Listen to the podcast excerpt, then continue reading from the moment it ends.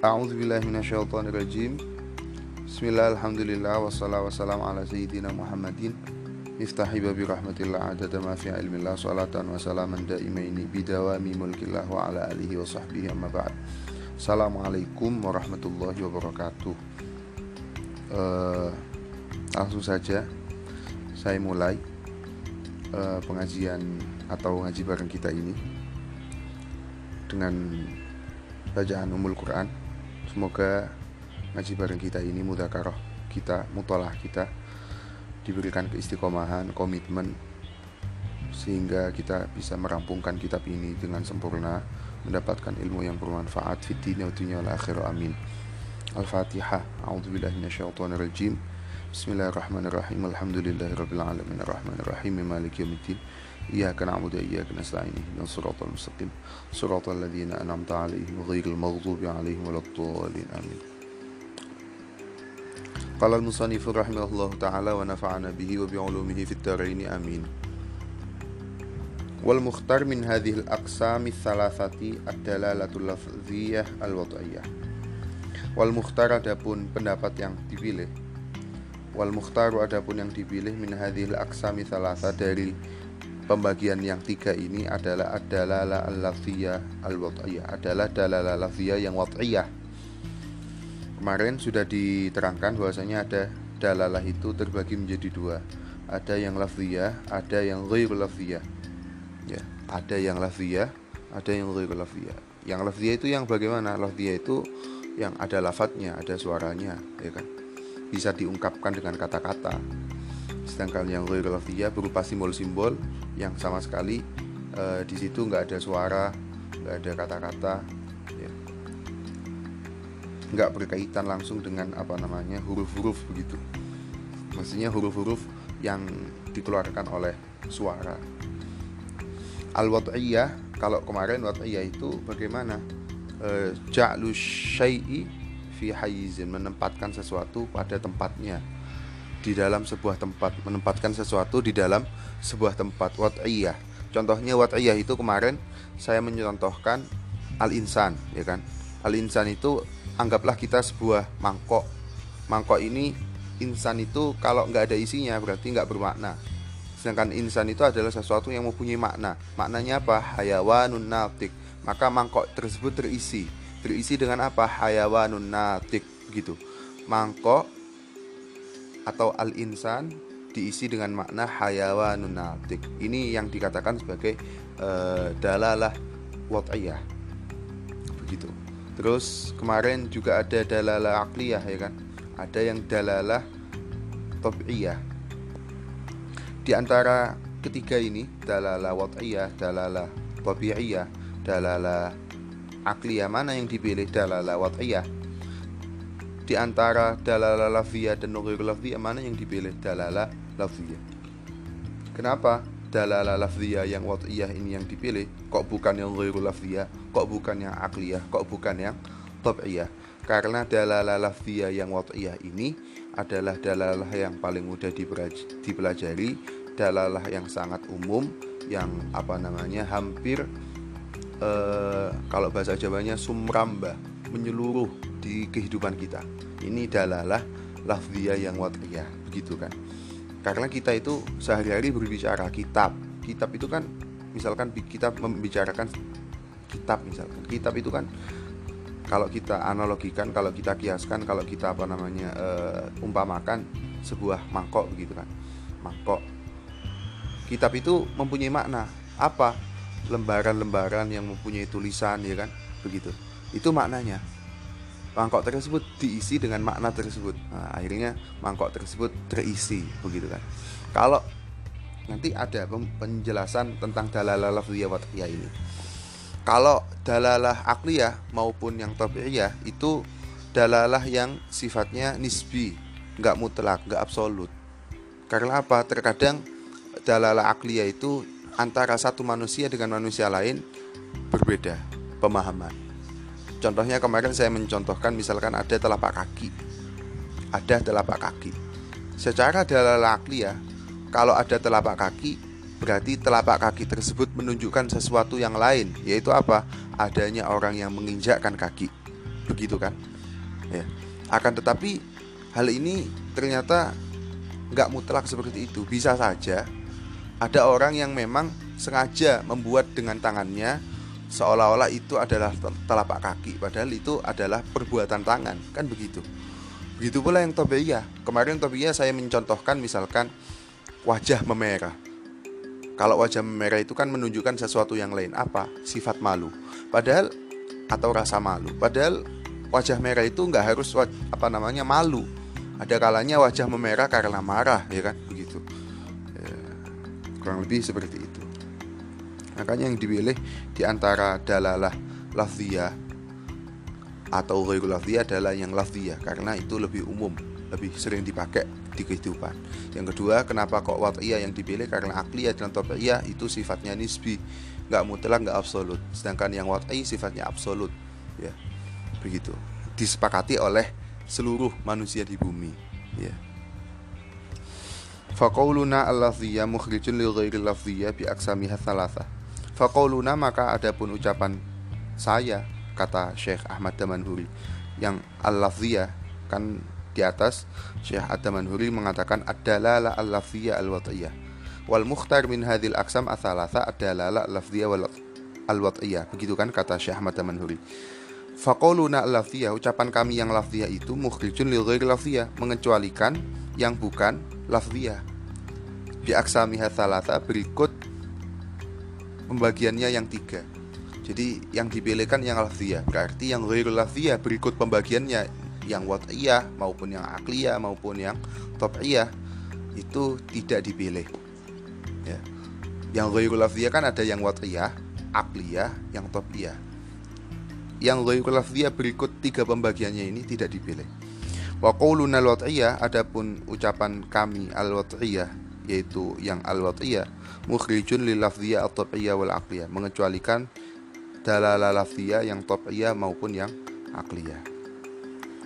Summa hadhihi dalalah salah satu aksamin. Kemudian dalalah ini dalalah lafziyah yang wat'iyah salah satu aksamin ada tiga pembagian. Yang pertama ada yang mutabaqiyah yang kedua ada tadhamuniyah, yang ketiga ada iltizamiyah. Jadi dalalah lafziyah yang wat'iyah itu terbagi lagi menjadi tiga. Ada dalalah lafziyah wat'iyah yang mutabaqiyah. Ada dalalah lafziyah wat'iyah yang tadhamuniyah. Yang ketiga ada dalalah lafziyah wat'iyah yang iltizamiyah. Fal ula dalalatul lafzi maka yang pertama dalalah lafziyah wat'iyah yang mutabaqiyah. Apa yang mutabaqah itu? dalalatul lafzi dalalah lafziyah ya dalalah yang sifatnya lafaz ala tamami ma wudi'alahu sempurna apa ala tamami berdasar sempurnanya keterangan sempurnanya definisi sempurnanya makna ya lebih pasnya makna. Sempurnanya makna wudi'a yang diletakkan lafat lahu untuk makna tersebut. Seperti contoh manusia. Manusia itu diletakkan untuk makna apa? Hayawanun natik kok sempurna maknanya? Manusia diletakkan atas makna hayawanun natik saya saya apa namanya saya kemarin saya tadi udah apa namanya e, menganalogikan kalau kita memisalkan manusia itu adalah sebuah wadah lafat ya ini manusia di sini adalah lafat manusia itu sebuah wadah kemudian harus diisi dengan makna maknanya hayawanun natik. Kalau memang wadah tersebut terisi penuh dengan makna hayawanun natik maka inilah yang dikatakan sebagai makna atau dalalah mutabaqiyah lafziyah wad'iyah yang mutabaqiyah begitu kadalalatil insan ala majmu'il hayawan natik kadalalatil insan seperti contoh dalalah lafat al insan ketika saya ngomong al insan ala menunjukkan atas makna majmu'il hayawan natik kumpulan manusia an natik yang berpikir Uh, jadi kurang lebih seperti itu. Kemudian yang kedua kan dalalatuhu ala juz'il makna fi dhimnihi. Dalalatul lafat atau menunjukkannya lafat ala juz'il makna atau sebagian makna fi di dalam uh, isi daripada lafat tersebut. Seperti contoh ya.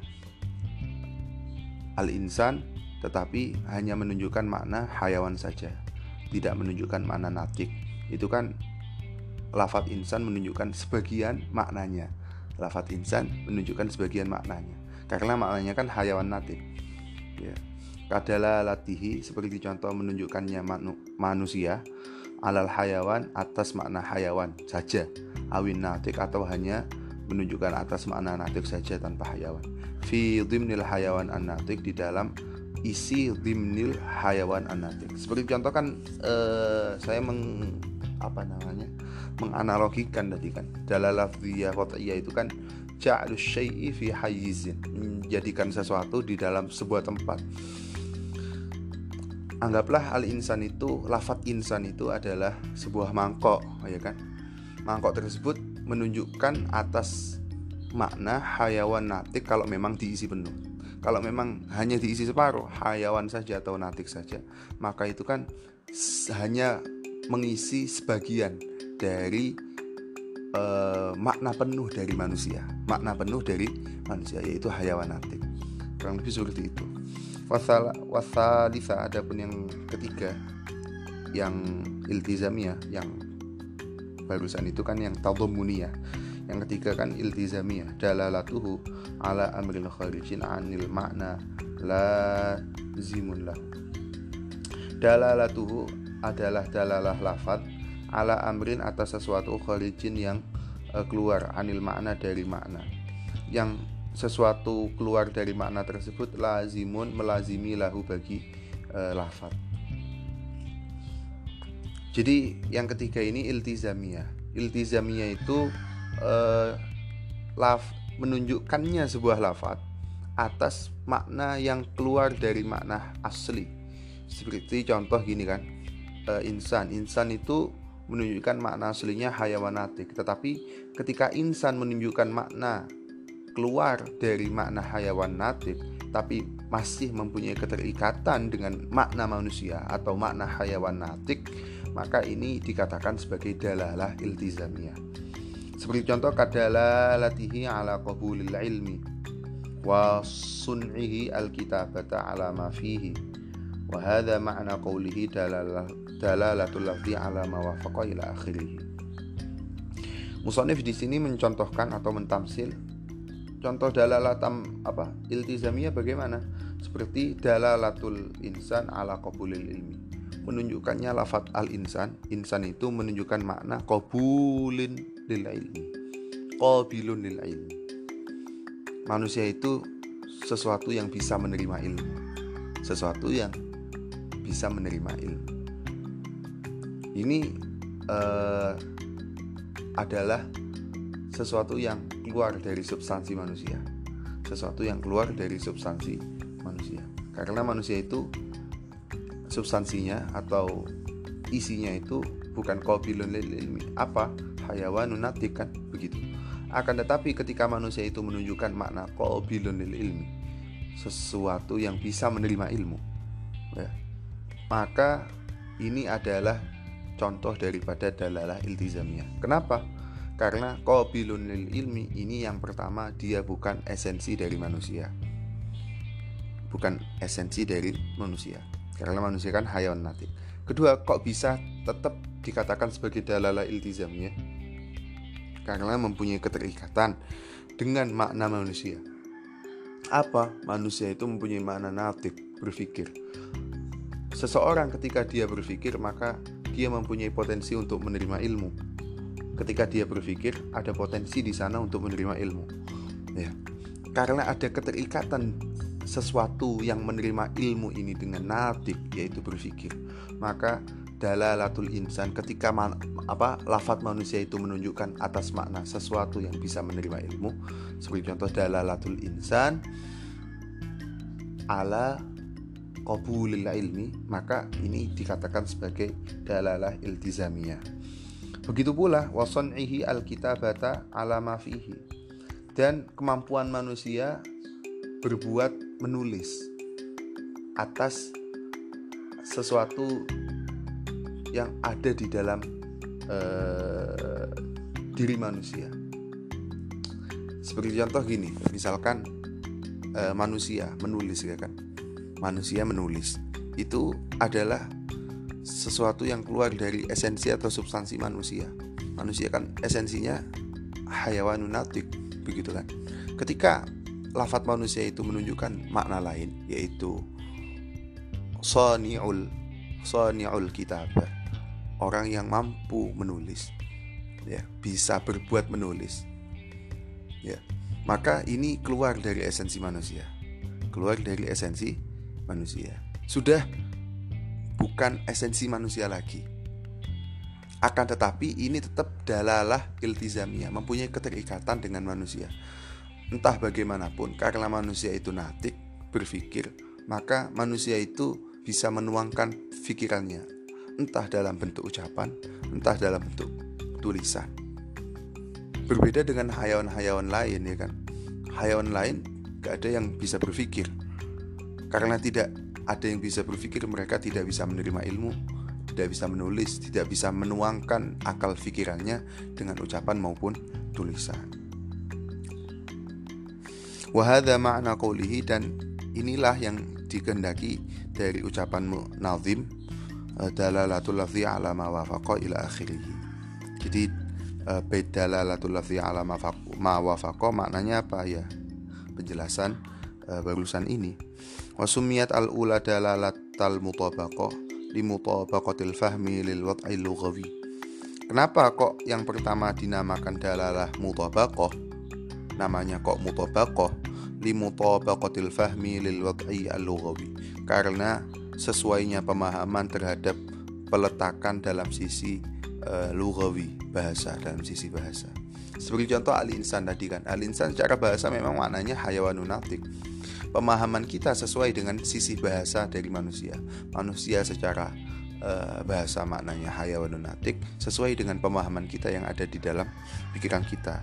Li anal wadi karena yang meletakkan makna apa namanya hayawan natik terhadap manusia itu wada'al lafdh dia meletakkan lafat liyatullah alal makna bitamamihi supaya menunjukkan atas makna secara sempurna. Jadi karena memang manusia itu atau lafat al-insan itu diletakkan untuk makna hayawan natik begitu. Siapa yang meletakkan makna? Ini nanti ada di dalam ilmu wadha ya kan. Di situ ada pembahasan siapa sih peletak bahasa pertama kali. Ada yang mengatakan A B C. Ada yang yang mengatakan Allah Subhanahu wa taala begitu. Tentu bahasa yang bagaimana yang Allah letakkan di muka bumi ini ya bahasa-bahasa yang induk. Bahasa-bahasa induk itu yang bukan hasil uh, kontemplasi manusia, bukan hasil usaha manusia. Seperti contoh kemarin saya ngerti misalkan bahasa uh, kipu. Kipu itu kan bahasa yang muncul akhir-akhir ini 100 tahun yang lalu Indonesia tidak mengenal bahasa Kipu. Orang Jakarta pun nggak ngerti bahasa Kipu. Ya kan? Itu eh, bahasa-bahasa yang lahir dari manusia. Tentu bahasa yang seperti ini eh, bukan bahasa yang berasal dari Allah Subhanahu wa taala. Gitu. Karena Allah Subhanahu wa taala meletakkan lafat manusia memang untuk menunjukkan makna hayawanatik begitu. Waqad fahimnahu minhu bitamamihi. Maka kita telah memahami hu dari memahami lafat al-insan Oh, wakot fahimna dan telah paham siapa kita. Kita telah memahami hu dari lafat tersebut. Minhu hu dari apa namanya wadi ya atau wad'ul lafzi ala tamamil makna minhu dari lafat tersebut bitamamihi dengan sempurnanya makna. Jadi kita memahami dari lafat tersebut ya dari lafat manusia al-insan kita mengetahui apa makna hayawanun natik secara sempurna. Makna manusia itu secara sempurna begitu yaitu hayawanun natik tuh dalalata dalalata tadhammun kenapa kok yang kedua dinamakan dalalata tadhammun dialalah tadhammun kenapa? Li'annal juz'a fi dhimnil kul. Karena di situ al juz'a sebagian itu fi kul memuat keseluruhan. Karena memang seperti contoh dalalatul insan ala uh, makna hayawan. Seperti contoh manusia menunjukkan atas makna hayawan saja tanpa natik itu kan nggak sempurna. Karena manusia sekali lagi maknanya hayawan natik. Ketika manusia hanya menunjukkan makna sebagian saja maka itu sesungguhnya uh, manusia menunjukkan makna sebagian sebagiannya yaitu hayawan saja tanpa natik kan sebagian. Karena sebagian maka namanya dalal atau tatomun kan maknanya memuat sebagian memuat sebagian. Tapi masih masuk begitu kan masih masuk dalam uh, esensi dari makna. Maknanya kan hayawan natik masuk dalam esensi makna tersebut yaitu hayawan saja atau natik saja. Wasali satu mungkin kalau sekali lagi saya ingatkan misalkan ada sesuatu yang tidak bisa dipahami atau memang terkesan rumit atau memang saya kurang bisa jelas dalam apa namanya menuturkan kata-kata yang pas dimohon memang untuk bertanya agar tidak terjadi kesalahpahaman dan eh, supaya memang ilmu yang didapatkan itu sesuai dengan pemahaman yang benar, yang absah, yang sahih. Wasali satu dalalatul tizam. Dan yang ketiga dinamakan dalala iltizam Kenapa? Li'annal mafhum kharijun anil makna lazimun lahu Karena al-mafhum sesuatu yang dipahami Kharijun keluar anil makna dari makna Keluar keluarnya itu lazimun yang melazimi lahu akan makna. Ketika manusia itu apa namanya atau lafat manusia ya lafat al insan itu menunjukkan makna qabilun lil ilmi. Itu kan keluar dari mana asli. Yang makna aslinya yaitu hayawanun natik kan. Karena keluar dari makna asli sedangkan makna qabilun lil ilmi itu lazimun lil insan. Lazim lil insan. Memang lazim bagi manusia, memang makna yang lazim bagi manusia. Ya. Kalau bahasa Indonesia kan sudah lazim itu makna lazim bagi manusia, makna yang terikat bagi manusia, nggak bisa lepas bagi manusia. Maka dalalah ini dinamakan sebagai dalalah iltizamiyah, dalalah yang lazim untuk manusia. Tapi tetap itu pelaziman dalalah ini keluar dari esensi makna manusia ya kan karena manusia kan sekali lagi hayawan natik sedangkan dalala iltizam keluar dari uh, lafaz hayawan natik kurang lebih seperti itu. Wa qawluhu in bi aqlin iltuzim asyara ila anna lazim la budda yakuna laziman fi dhihn. Sawan sawa'un uh, lazimun ma'a dhalika fil kharij. Kaluzumi zawjiyya lil arba'a am la kaluzumi al basar lil ama. Uh, wa qawluhu dan adapun ucapan musannif in fi aqlinil tuzim apabila uh, dalalah iltizamiyah itu berkaitan dengan akal. Mempunyai keterikatan keterikatannya dengan akal. Asyara telah memberikan isyarat siapa musannif siapa nazim. Bihi dengan baitnya ila anna lazim. Bahwasanya lazim yang dikehendaki makna lazim yang dikehendaki la budda wajib ayakuna laziman fi lazimnya harus fi di dalam akal. Lazim yang masuk akal seperti contoh tadi kan uh, atau begini. Ya seperti contoh tadi. Nanti uh, saya jelaskan contoh yang lain di apa namanya kalimat setelahnya ini. Sawaun lazimun ma'adzalika fil kharij entah pelaziman makna tersebut lazim secara akal maupun dalam kenyataan. Kaluzumi zaujiyah lil arba'ah contohnya luzumi zaujiyah lil arba'ah pelaziman makna apa genap lil arba'ah bagi empat atau enggak apa namanya enggak sesuai dalam kenyataan. Seperti contoh luzumil basar lil ama. Uh, luzumil basar lil ama. Lazimnya makna melihat lil ama bagi orang yang uh, buta. Jadi penjelasannya begini. Lazim di sini ini penjelasan dari dalalah iltizamiyah kan.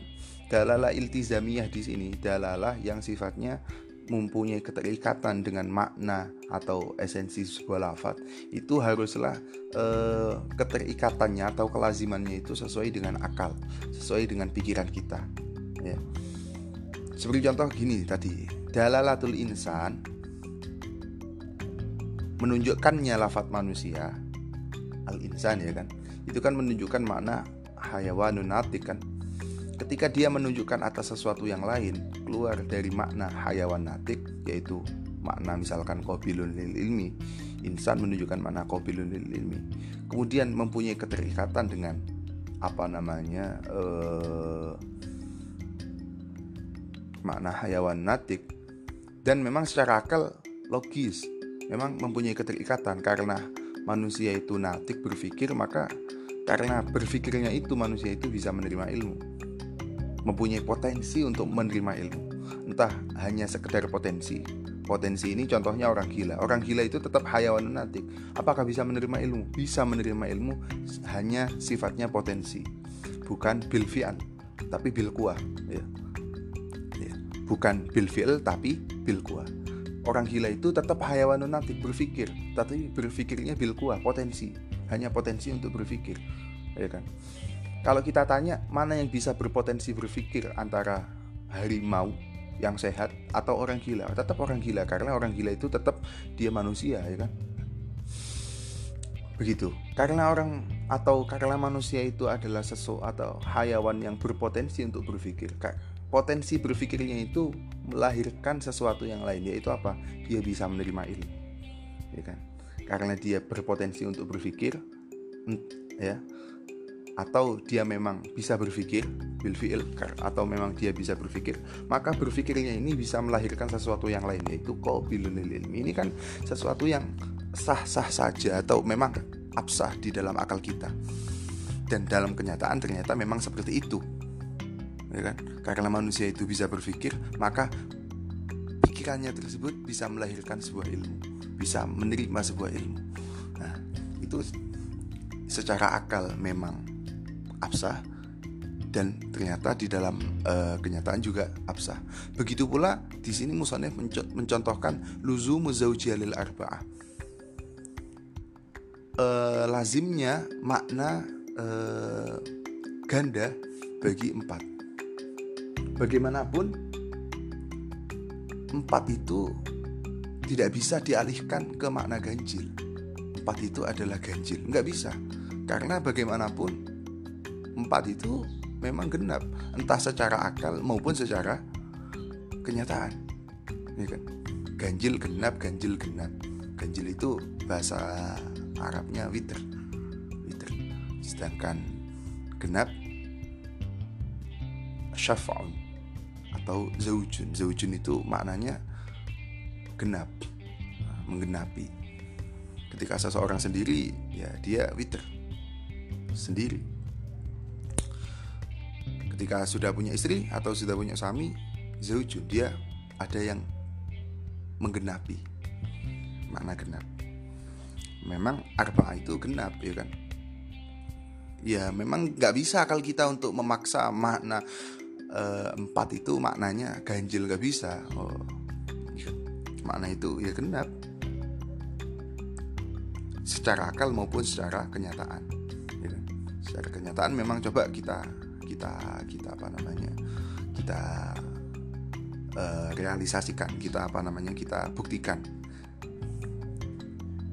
Gimana cara membuktikannya? Seperti contoh kita punya empat apel misalkan. Dua taruh sini dua taruh sana dua ditaruh tempat satu dua lagi taruh tempat satunya. Dua setiap sesuatu yang habis dibagi dua itu kan genap. Dua yang satu di sini habis. Ada satu ada dua berarti genap. Di sini ada satu ada dua berarti juga genap. Berarti empat genap. Karena memang habis dibagi dua. Secara akal secara kenyataan juga sama. Atau secara akal memang uh, logis tapi ternyata tidak sesuai dalam kenyataan. Seperti contoh luzumul basar lil ama Keterik, keterikatannya penglihatan bagi orang yang uh, apa namanya buta. Orang buta itu bagaimanapun dia tetap mempunyai mak keterikatan dengan makna penglihatan. Gak bisa kita ngomong sesok seseorang itu buta. Kalau kita tanpa membahas penglihatan. Kita nggak mungkin ngomong seseorang itu buta kalau tanpa membahas penglihatan ya kan? Karena apa? Karena al-ama buta itu adalah tidak bisa melihat. Bagaimana mungkin kita melebeli seseorang buta tanpa kita membahas penglihatan ya kan? Karena memang buta dengan penglihatan itu sesuatu yang mempunyai keterikatan secara akal ya kan? Secara akal memang gak bisa kalau kita ngomong buta tapi nggak ngomong penglihatan. Karena memang buta itu nggak bisa melihat. Masa kita ngomong buta tapi nggak nggak ngomong melihat nggak ngomong penglihatan? Wong makna buta sendiri tidak bisa melihat. Kalau kita nggak ngomong penglihatan atau nggak ngomong melihat berarti kan kita menafikan bahwasanya man, apa kita menafikan makna al-ama atau e, kebutaan itu adalah nafil basar menafikan penglihatan. Oh, kalau kita menafikan ini terus apa makna dari al-ama begitu kan? Mungkin ini ada yang agak bulat ya. Tapi sekali lagi dimohon kalau memang rumit kacau ya sudah tanya saja nggak perlu malu. Uh, ya Rob. Wa amma idza kana laziman fil kharij faqat kasawadil gharb fala yusamma fahmuhu min al-lafzi dalalatal tizam indal manatiqah. Kalau hanya lazimnya itu hanya dalam uh, kenyataan saja tapi enggak dalam akal, maka tidak bisa dikatakan dalala iltizamiyah. Misalkan ya, kita ngomong huruf, huruf itu gagak. Huruf itu kan gagak. Kita mengatakan huruf itu apa? Burung yang hitam. Burung yang hitam. Ini tidak bisa dikatakan sebagai dalala iltizam. Karena pertama meskipun dia keluar dari makna asli daripada huruf-huruf itu kan burung ya. Burung gagak. Ya. Burung gagak. Burung itu kan hayawanun irun terus gagak itu yang bagaimana sifatnya, deskripsinya. Yang memang e, menjadi esensi dari burung gagak tersebut misalkan. Kemudian misalkan huruf itu ternyata keluar dari esensi maknanya kemudian kita alihkan ke makna lain. Adalah hayawanun aswad hewan yang hitam. Maka ini tidak bisa dikatakan dalala iltizam meskipun memang hitam dan huruf hitam dan gagak itu mempunyai keterikatan karena apa? Keterikatannya hanya dalam kenyataan saja. Karena kita tidak menemui di dunia ini gagak yang putih nggak ada.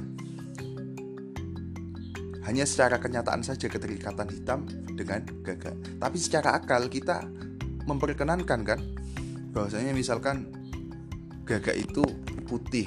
Akal kita nggak menolak. Akal kita tidak ada sesuatu yang bisa uh, menahan akal kita memikirkan oh gagak putih. Bagaimana kalau gagak kuning? Begitu kan? Itu maka e, misalkan huruf itu menunjukkan makna hayawan aswad tidak bisa dikatakan sebagai dalala iltizam menurut ahli mantik. Wa in summiya bidzalika indal usuliyin. Meskipun tetap dikatakan dalala iltizamnya bagi ahli usul. Fal ba'u fi qawlihi bi aqlin bi fi fal ba'u maka adapun ba fi qawli di dalam ucapan nazim in bi aqlinil tuzim yaitu bimakna fi mempunyai makna fi yaitu mempunyai makna dzarfiyah di dalam akal. Wal muradu bil akli yang dikehendaki dengan akal di sini adalah dzihn yaitu akal. Akal itu di sini adalah pikiran. Maknanya apa? Al quwa al mudrika, potensi untuk berpikir, potensi untuk menemukan sebuah makna dari lafaz. Itu yang dikehendaki daripada uh, makna akal. Thumma inna kullan min dalalati tadammun wal iltizam yasalzim dalalatal mutabaqah. Kemudian setiap dari dalalat tadammun wal, wal iltizam dalalat tadammun dan dalala iltizam keduanya itu ya salzim dalalatal mutabaqah mewajibkan dalalah mutabaqah. Tidak ada sesuatu kalau kita ngomong misalkan ya uh, sebentar sebentar. Uh, begini yang paling enak. Uh, mungkin yang ungkapan yang paling tepat ini seperti ini. Uh, dalalah tadammun dan dalalah iltizam itu memang mewajibkan adanya dalalah mutabakoh. Kalau kita mengatakan atau kita membahas dalalah tadhumun misalkan atau dalalah iltizam, pasti dalalah tadhumun yang kita bahas dan dalalah iltizam yang kita bahas itu mempunyai dalalah mutabakoh. Nggak mungkin ada dalalah tadhumun, nggak mungkin ada dalalah iltizam kalau nggak punya mutabakoh. Nggak mungkin ada. Kalau ada dalalah tadhumun, kalaupun ada dalalah iltizam maka keduanya pasti ada dalalah mutobakohnya begitu kalau sesuatu itu ada dalalah mutobakohnya belum tentu ada dalalah tadumunnya juga belum tentu ada dalalah iltizamnya wahia la tastalzimuhuma kalau sesuatu tersebut itu mutobakoh mempunyai dalalah mutobakoh ya misalkan ada sesuatu mempunyai dalalah mutobakoh maka dalalah mutobakoh ini belum tentu mempunyai dalalah tadhumun juga belum tentu mempunyai dalalah iltizam. Mungkin untuk lebih tepatnya ini lebih enak dibahas di papan tulis. Kemudian diberikan contoh. Karena kalau enggak di papan tulis mungkin kurang memahamkan. Kama idza kana al-ma'na basitan wala lazimun lahu wala lazimun lahu atau wala lazima lahu.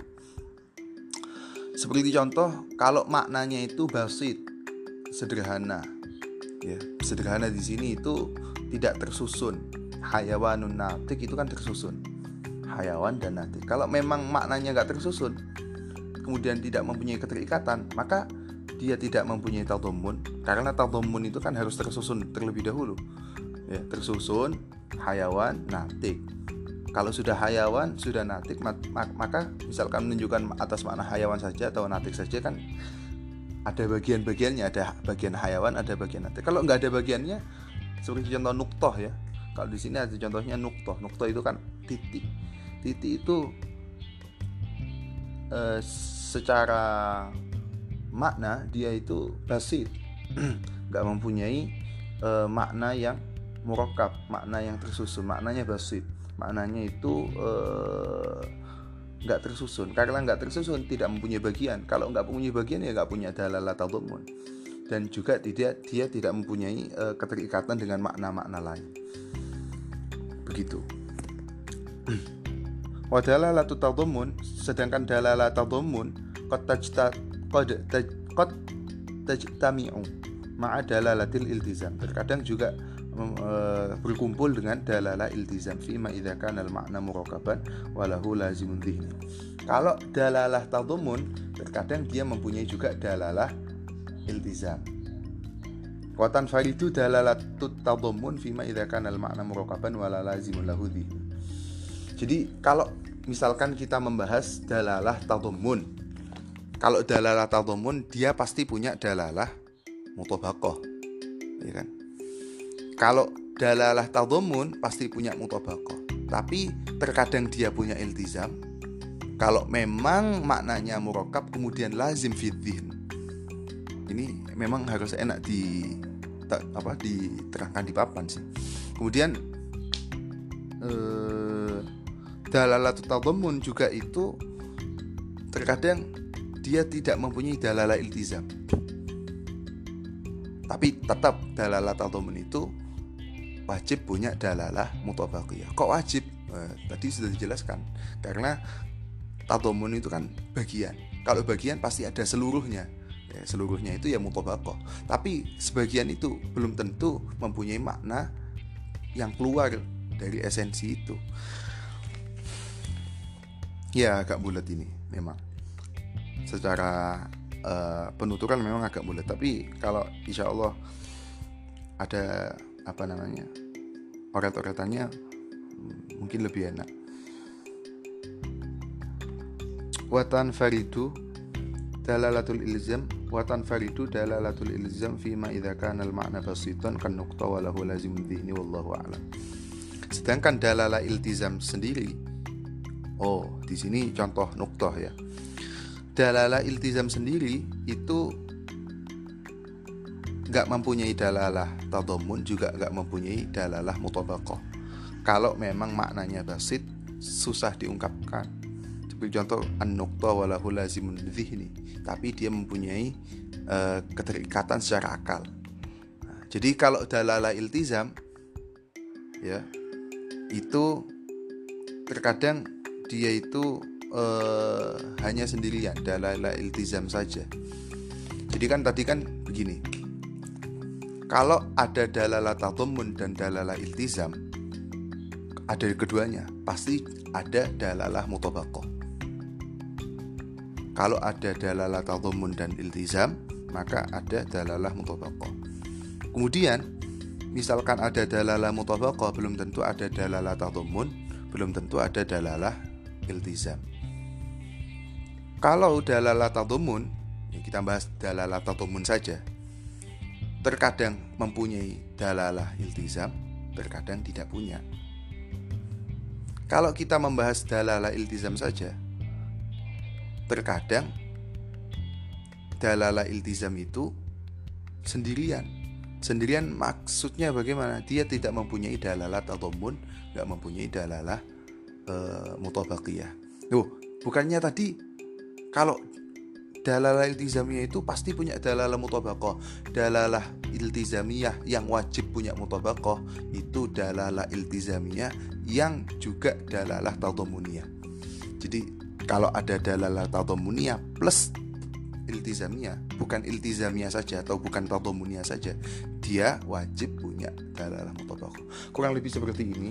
Syukron ala husni timamikum. Jika ada uh, kekurangan saya mohon maaf sekali. Memang uh, keterangan yang akhir-akhir ini agak uh, agak sedikit rumit. Saya mohon maaf kalau memang uh, penuturannya kurang pas kurang enak. Terima kasih atas kesetiaannya mendengarkan uh, podcast saya Semoga bermanfaat. Syukron ala husni. Assalamualaikum warahmatullahi wabarakatuh.